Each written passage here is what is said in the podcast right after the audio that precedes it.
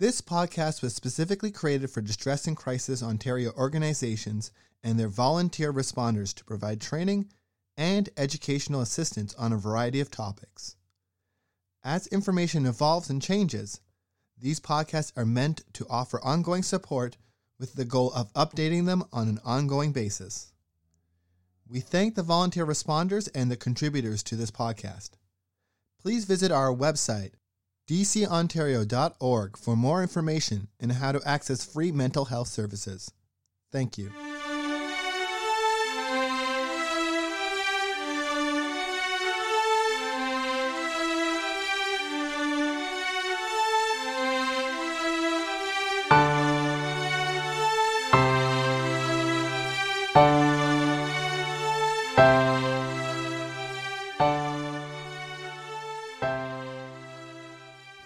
Hello, my name is Caitlin Plant, and I am the Program Manager at Distress and Crisis Ontario. Thank you for listening to our podcast.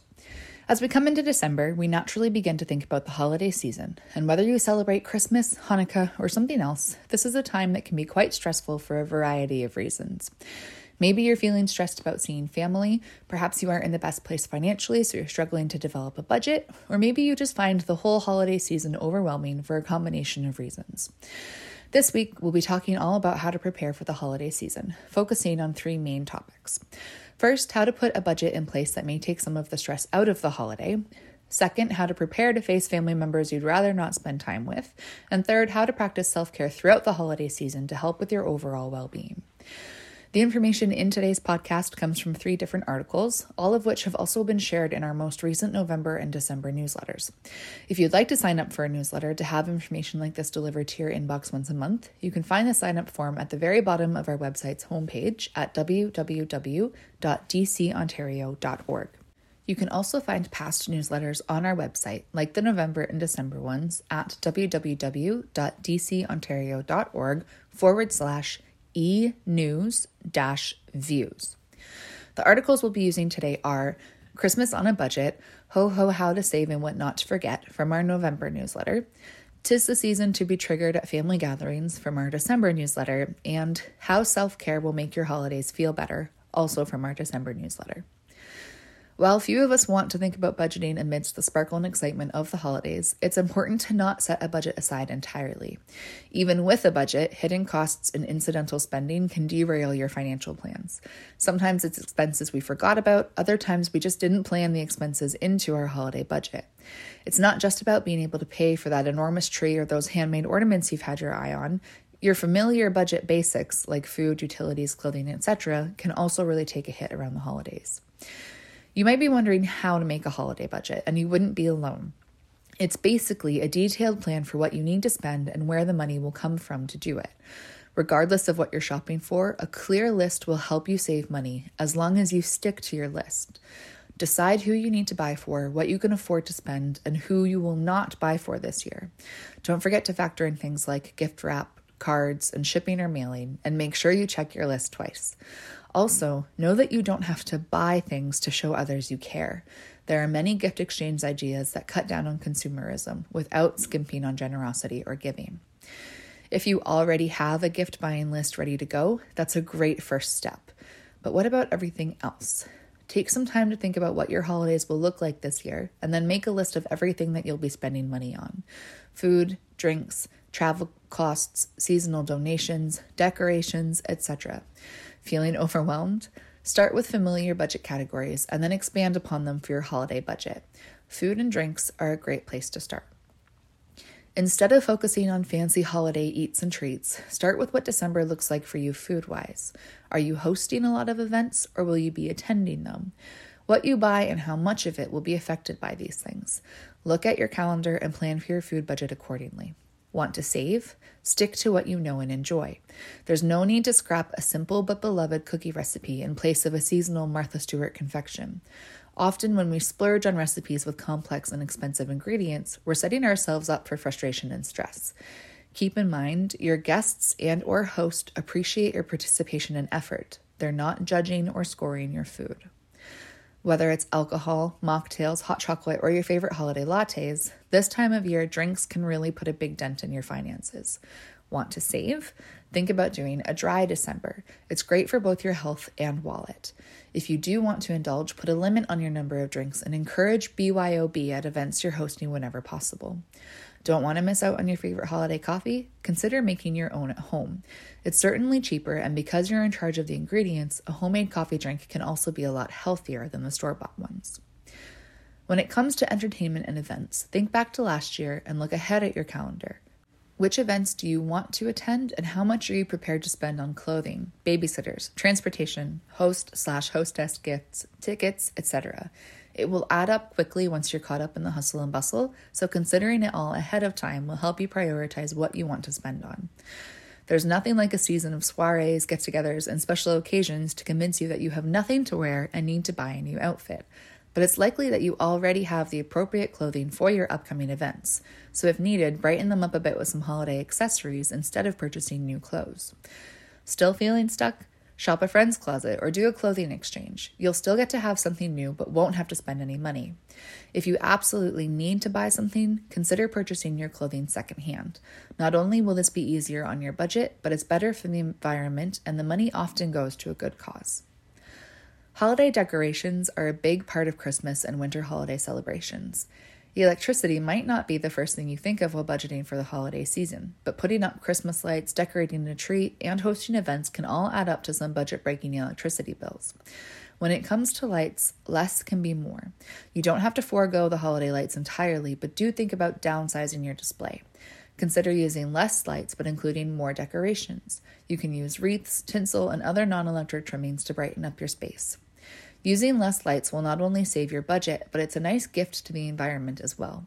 If you are going to have some lights up, consider switching from incandescent bulbs to LEDs. They use 80 to 90% less energy and they last over three times longer. Running your lights all night can also be incredibly wasteful. Your electricity budget will go through the roof, and it's unlikely that too many people are admiring your display at 3 o'clock in the morning. You can purchase a timer to turn off your lights at a reasonable time. You'll save money, and because it's automated, you won't have to creep out into the cold to turn them off yourself. Now, let's talk about navigating family time with relatives who may often make you feel triggered, meaning you aren't looking forward to seeing them this holiday season. What does being triggered mean?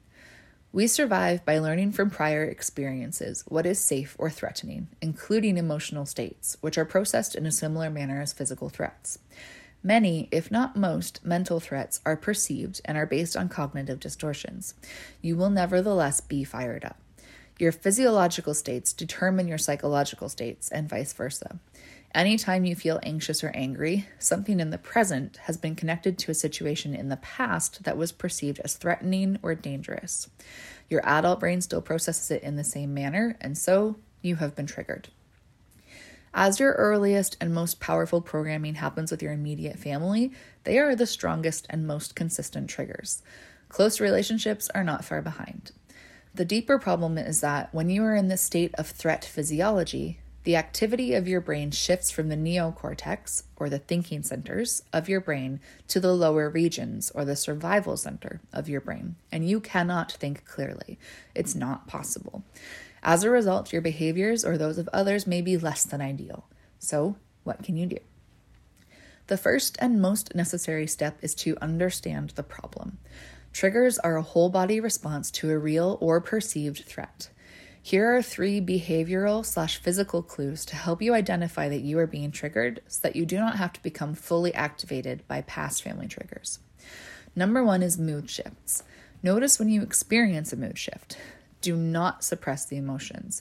Burying emotions alive will lead you to step on them at some point during the holidays, likely leading to an explosion of emotions.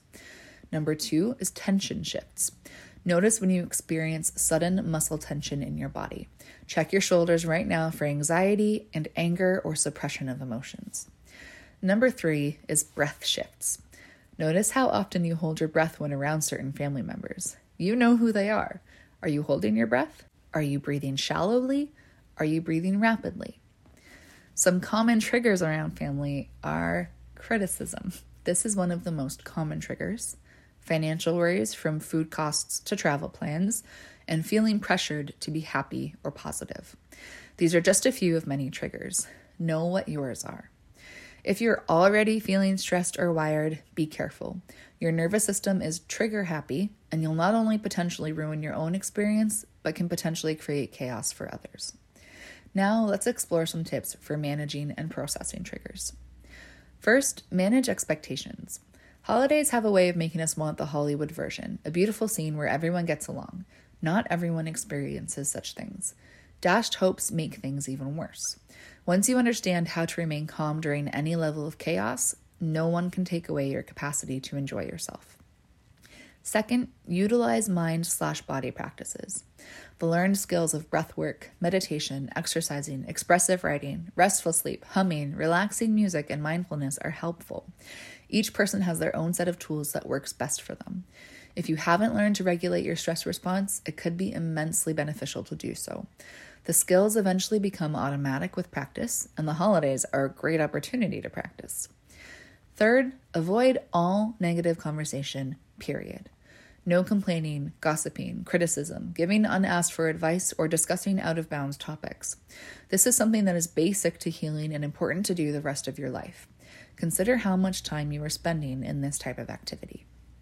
Fourth, Create some space in your brain before you take any actions by using a mindfulness or deep breathing technique. Take the action out of your reactions. And fifth, take time for yourself. Set time aside from everyone. Go for a walk before the hoopla starts if you're trying if you're staying with your family. Break away from the family during the day or when you need some space to come back online. Finally, keep your perspective. Remember that you always have choices once your brain is back online. Keep focused on who or what is important to you. How do you wish to show up for the holidays? Practicing the skills discussed, especially noticing when you are triggered and doing something about it, will help you keep your love, peace, and joy during the holidays. Self care is also a useful tool to help mitigate triggering situations and many stresses related to the holidays. In addition to practicing mindfulness and taking time for yourself, as already mentioned, here are four additional tips for practicing self care during the holidays. Number one, sleep. Our brains need sleep to function effectively, efficiently, and productively. Make sure you don't forget the critical importance of sleep. Poor sleep also negatively impacts our mood and interactions with others. Maybe you're telling yourself there's no time for sleep, but functionality decreases with less sleep. If you make getting the right amount of sleep a priority, you'll feel surprised that you'll get the same amount done, but with less negative interpersonal, physical, and mood impacts. Number two, set boundaries.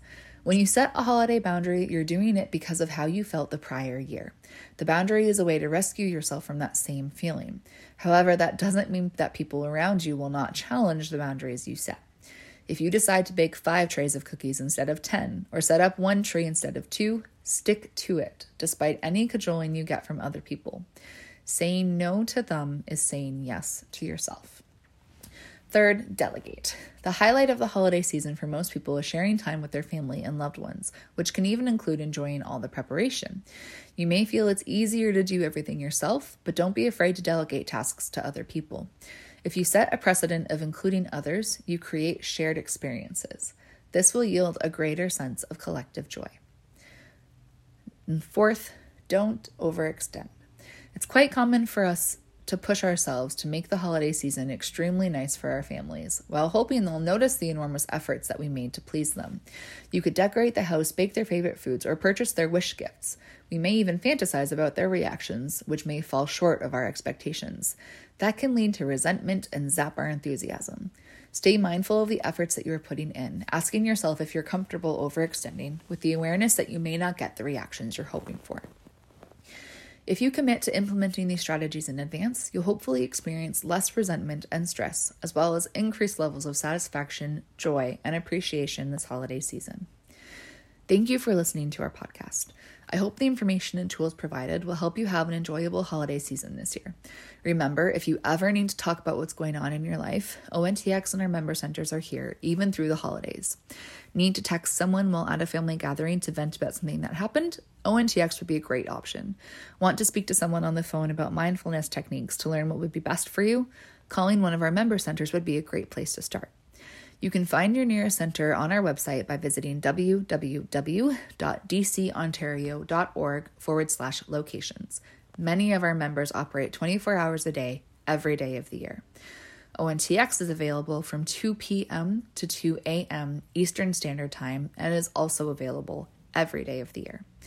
As always, if you have any feedback about today's episode, past episodes, or would like to request future content, you can do so by filling out our feedback form at the link in the show notes. Thank you again for listening. I hope you have a good week and join us again next time.